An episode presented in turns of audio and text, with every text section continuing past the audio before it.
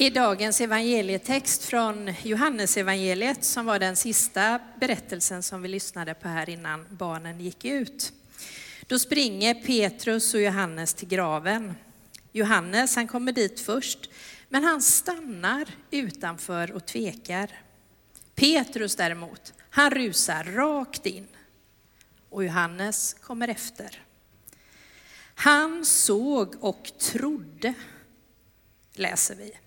Johannes såg en tom grav, en ödslig syn.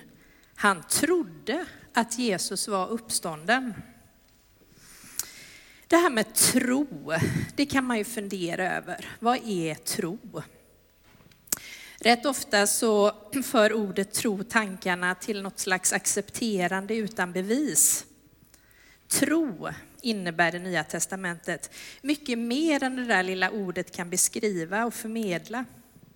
Att tro är att veta, men ett vetande som inte bara grundar sig på våra iakttagelser, våra inre resonemang, logiska slutledningar och andras förvissning. Tron är mer som en inre aning, kanske som intuition. Vi kan inte skapa den, producera den eller tvinga oss in i den.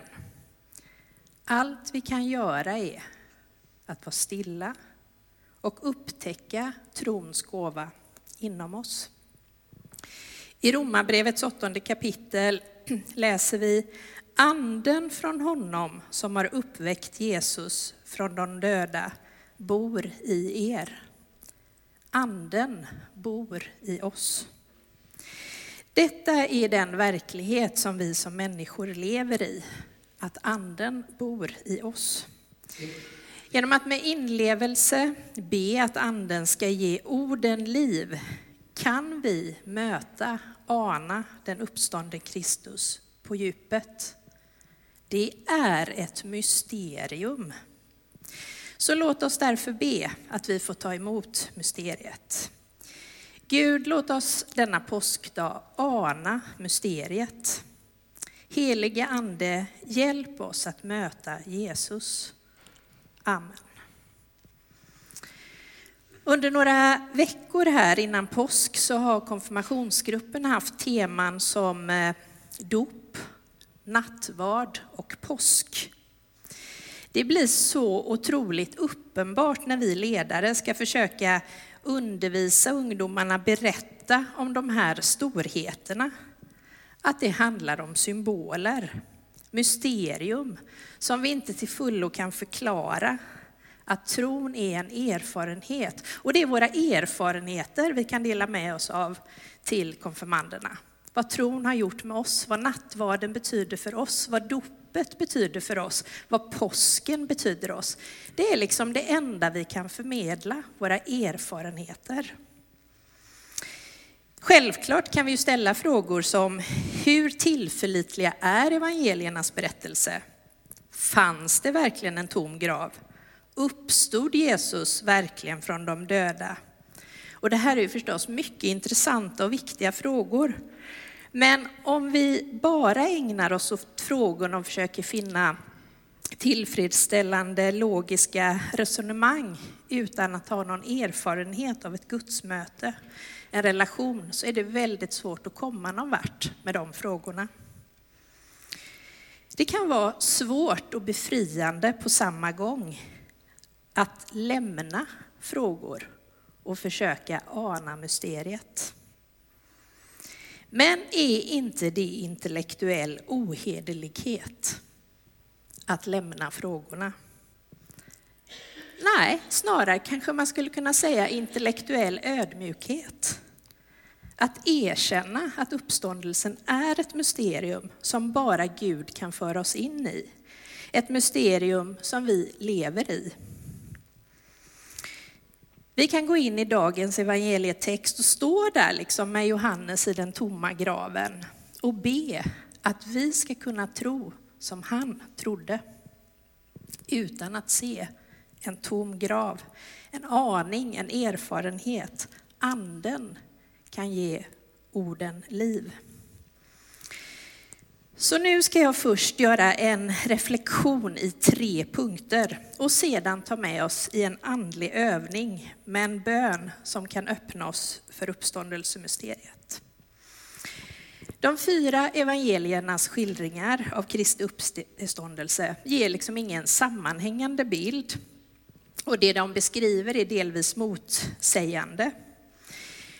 Och det är ju inte så konstigt, för det är fyra olika författare som försöker beskriva en oförklarlig händelse med mänskliga ord. Händelsen övergår allt vad våra tankar och föreställningar och språk kan omfamna. Det övergår, liksom, det korsar mellan tid och rum, mysterium och konkret verklighet. Men även om det förekommer motsägelser vad beträffande detaljerna i de här fyra olika uppståndelseberättelserna så kan man urskilja tre gemensamma drag. Och de här dragen som jag nu kommer ge er några tankar kring Eh, kan hjälpa oss och vara viktiga för vår förståelse av Kristi uppståndelse, hur den kan påverka vårt liv just nu, för det är ju det som är poängen. Eh, för det första så är ett gemensamt inslag i evangelierna att Kristus uppenbarar sig för oss när vi är i någon form av negativ sinnesstämning. Kvinnorna i Markus evangeliet, de är vettskrämda. Lärjungarna på väg till Emmaus är sorgsna och besvikna. Maria från Magdala är bekymrad Lärjungarna i den övre salen är rädda och lever bakom stängda dörrar. Thomas brottas med tvivel. Och alla de här bibelberättelserna för tankarna till det faktum som många av oss senare tiders kristna bekräftar, nämligen att det inte är så sällan som när vi är i någon slags död som vi kan lära känna den uppståndne. Alltså död av något slag, såsom någon besvikelse över oss själva eller någon annan, någon förlust, någon sorg, någon känsla av fruktan, hopplöshet, meningslöshet, tvivel. Och när vi inte försöker liksom stålsätta oss mot den verklighet som är vår. På något sätt så är det många kristna som har berättat om att lösningen som öppnar våra ögon kan vi ibland ana just när vi är i tomhet, lidande och smärta och erkänner något slags gudsbehov. Om vi kan erkänna och vara stilla mitt i vår utsatthet så kan Kristus för oss uppenbara sin härlighet. Jag minns särskilt, det var inte jättemånga år sedan, kanske fem typ. Då var jag på en tio dagars retreat under en period när jag hade extremt ont i min hand och knappt kunde använda den. Och den smärtan var så stor att den liksom spred sig i hela kroppen och, och, det var ju som att det var det enda jag kunde tänka på, att jag inte kunde använda min hand. Då fick jag vara med om en väldigt tjusig påskupplevelse. Det här var inte alls på påsken, men min andliga vägledare då, hon gav mig varje dag texter som just handlade om den uppståndne Kristus och hur han visar sig för lärjungarna. Med de bibeltexterna fick jag be, meditera och reflektera. Och genom min fantasi fick jag kännas vid min verklighet så som den var. Och liksom sitta sitta där med lärjungarna i hopplöshet och maktlöshet och försöka närma mig den Kristus som kommer in i ett rum och säger frid vare med dig.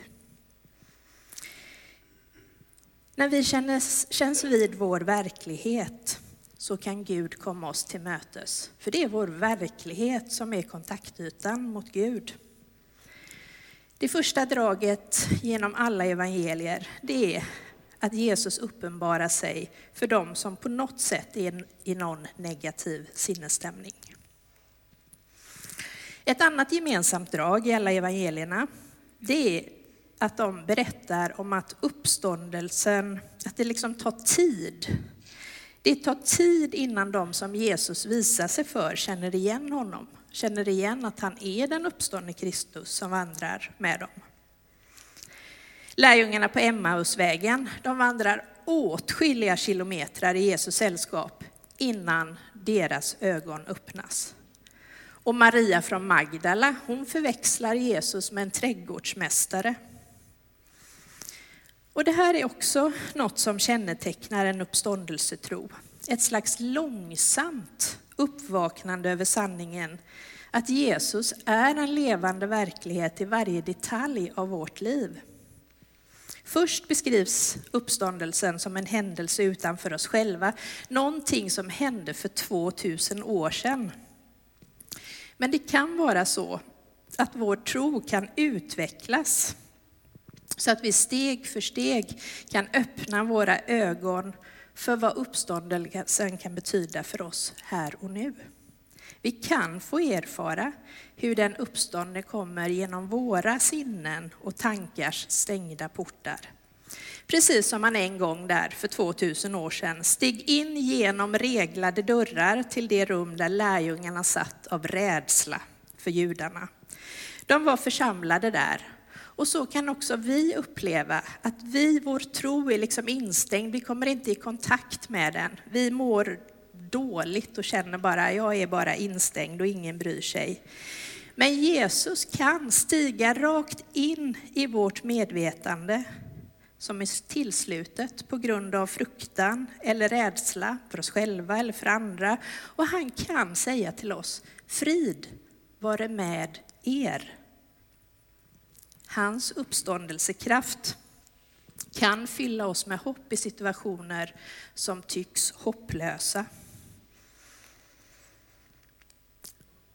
Det kan ge oss mod att ta itu med uppgifter som vi tidigare kanske har velat fly ifrån.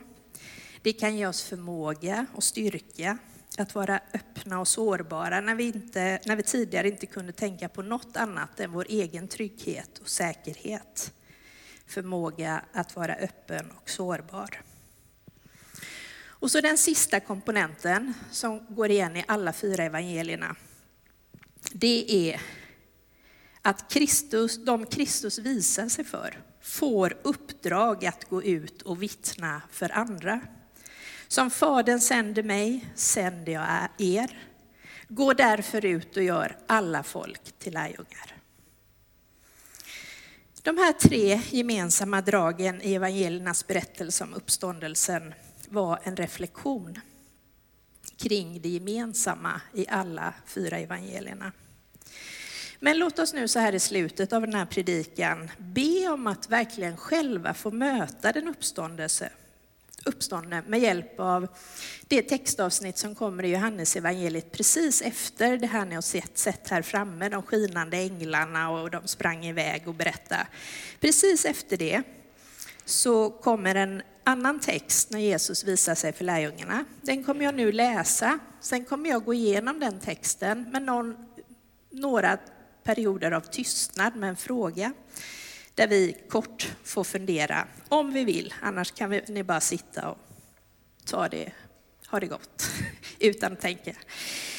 Eh, så jag läser från Johannes 20, 19-22. På kvällen samma dag, den första veckan, satt lärjungarna bakom reglade dörrar av rädsla för judarna. Då kom Jesus och stod mitt ibland dem och sa till dem, frid åt er alla.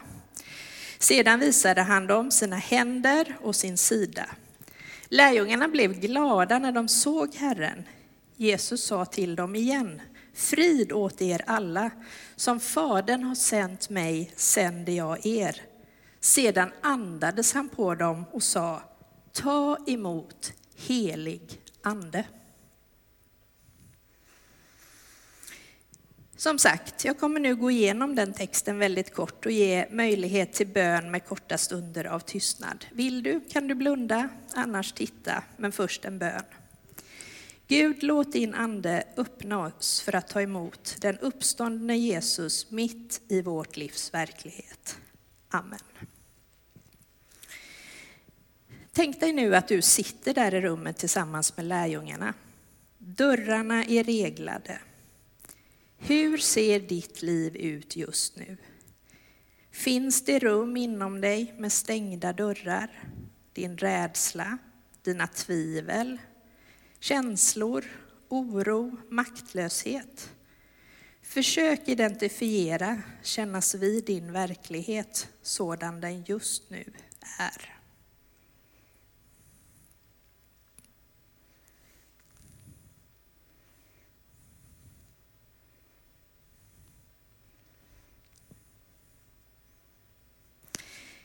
Där är du nu med ditt liv. Plötsligt står Jesus där mitt ibland er, framför dig. Han säger frid åt er alla. Hur tar du emot hans ord? Hur känns det? Jesus säger till dig frid.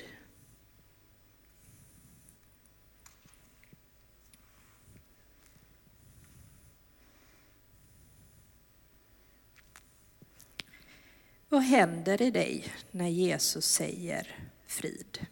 Ställer du någon fråga till Jesus? Säger han något till dig? Vad känner du?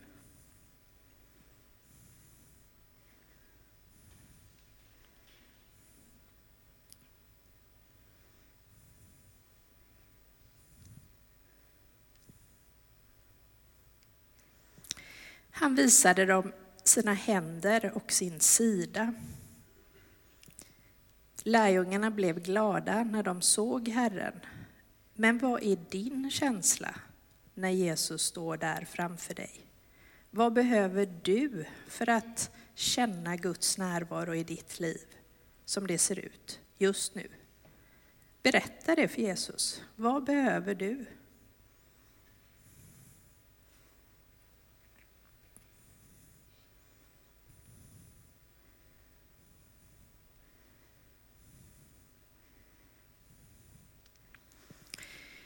Nu säger Jesus igen sina ord till dig och de andra. Frid åt er alla. Sedan fortsätter han. Och lyssna. Vad känner du och tänker du när du hör hans ord? Som Fadern har sänt mig sänder jag er.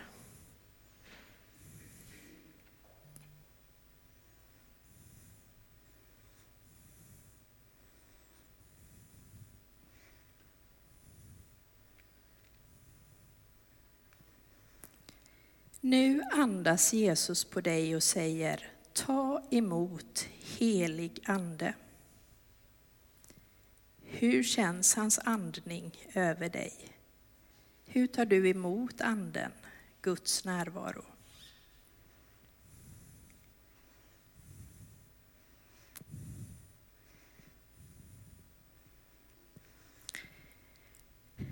Den här övningen som vi nu har gjort en metod att läsa Bibeln där vi ger anden möjlighet att komma nära Jesus själv i bön. Det finns ju inga förklaringsmodeller som helt håller kring uppståndelsens verklighet. Det är en erfarenhet av att de gamla berättelserna får liv genom anden. Uppståndelsen är ett mysterium och för att närma oss mysterier behöver vi symboler. Och då kommer jag tillbaka till de här två ämnena vi har haft med konfirmanderna, det sista, dop och nattvard. Dopet är ju en sån symbol. Det påminner oss om att livet alltid segrar över döden. Det är aldrig kört. Vi får en ny chans varje dag, om och om igen. Uppståndelsens verklighet hör ihop med dopet. Därför kommer du senare i vår stationsvandring i gudstjänsten ha möjlighet att ta emot dopförnyelse genom korsets tecken med vatten på din panna eller din hand. Samtidigt får du höra orden Jesus delar ditt liv. Nattvarden är också ett mysterium och en symbolhandling. Nattvarden påminner oss om dopet och uppståndelsen om och om igen får vi i gudstjänsten ta emot Guds kärlek i bröd och vin. Kan vi förstå vad nattvarden innebär? Nej, men vi kan få erfarenhet av att Gud kommer nära genom att känna oblaten i vår hand, genom att känna doft och smak av bröd och vin. Jesus själv förenas med vår kropp. Ja, så nära är Gud, som en vind som smeker ömt, som solen värmer, som himlen lyser. Jesus står här framför oss, tar vår hand, visar vägen, älskar ett mysterium, vårt hopp. Amen.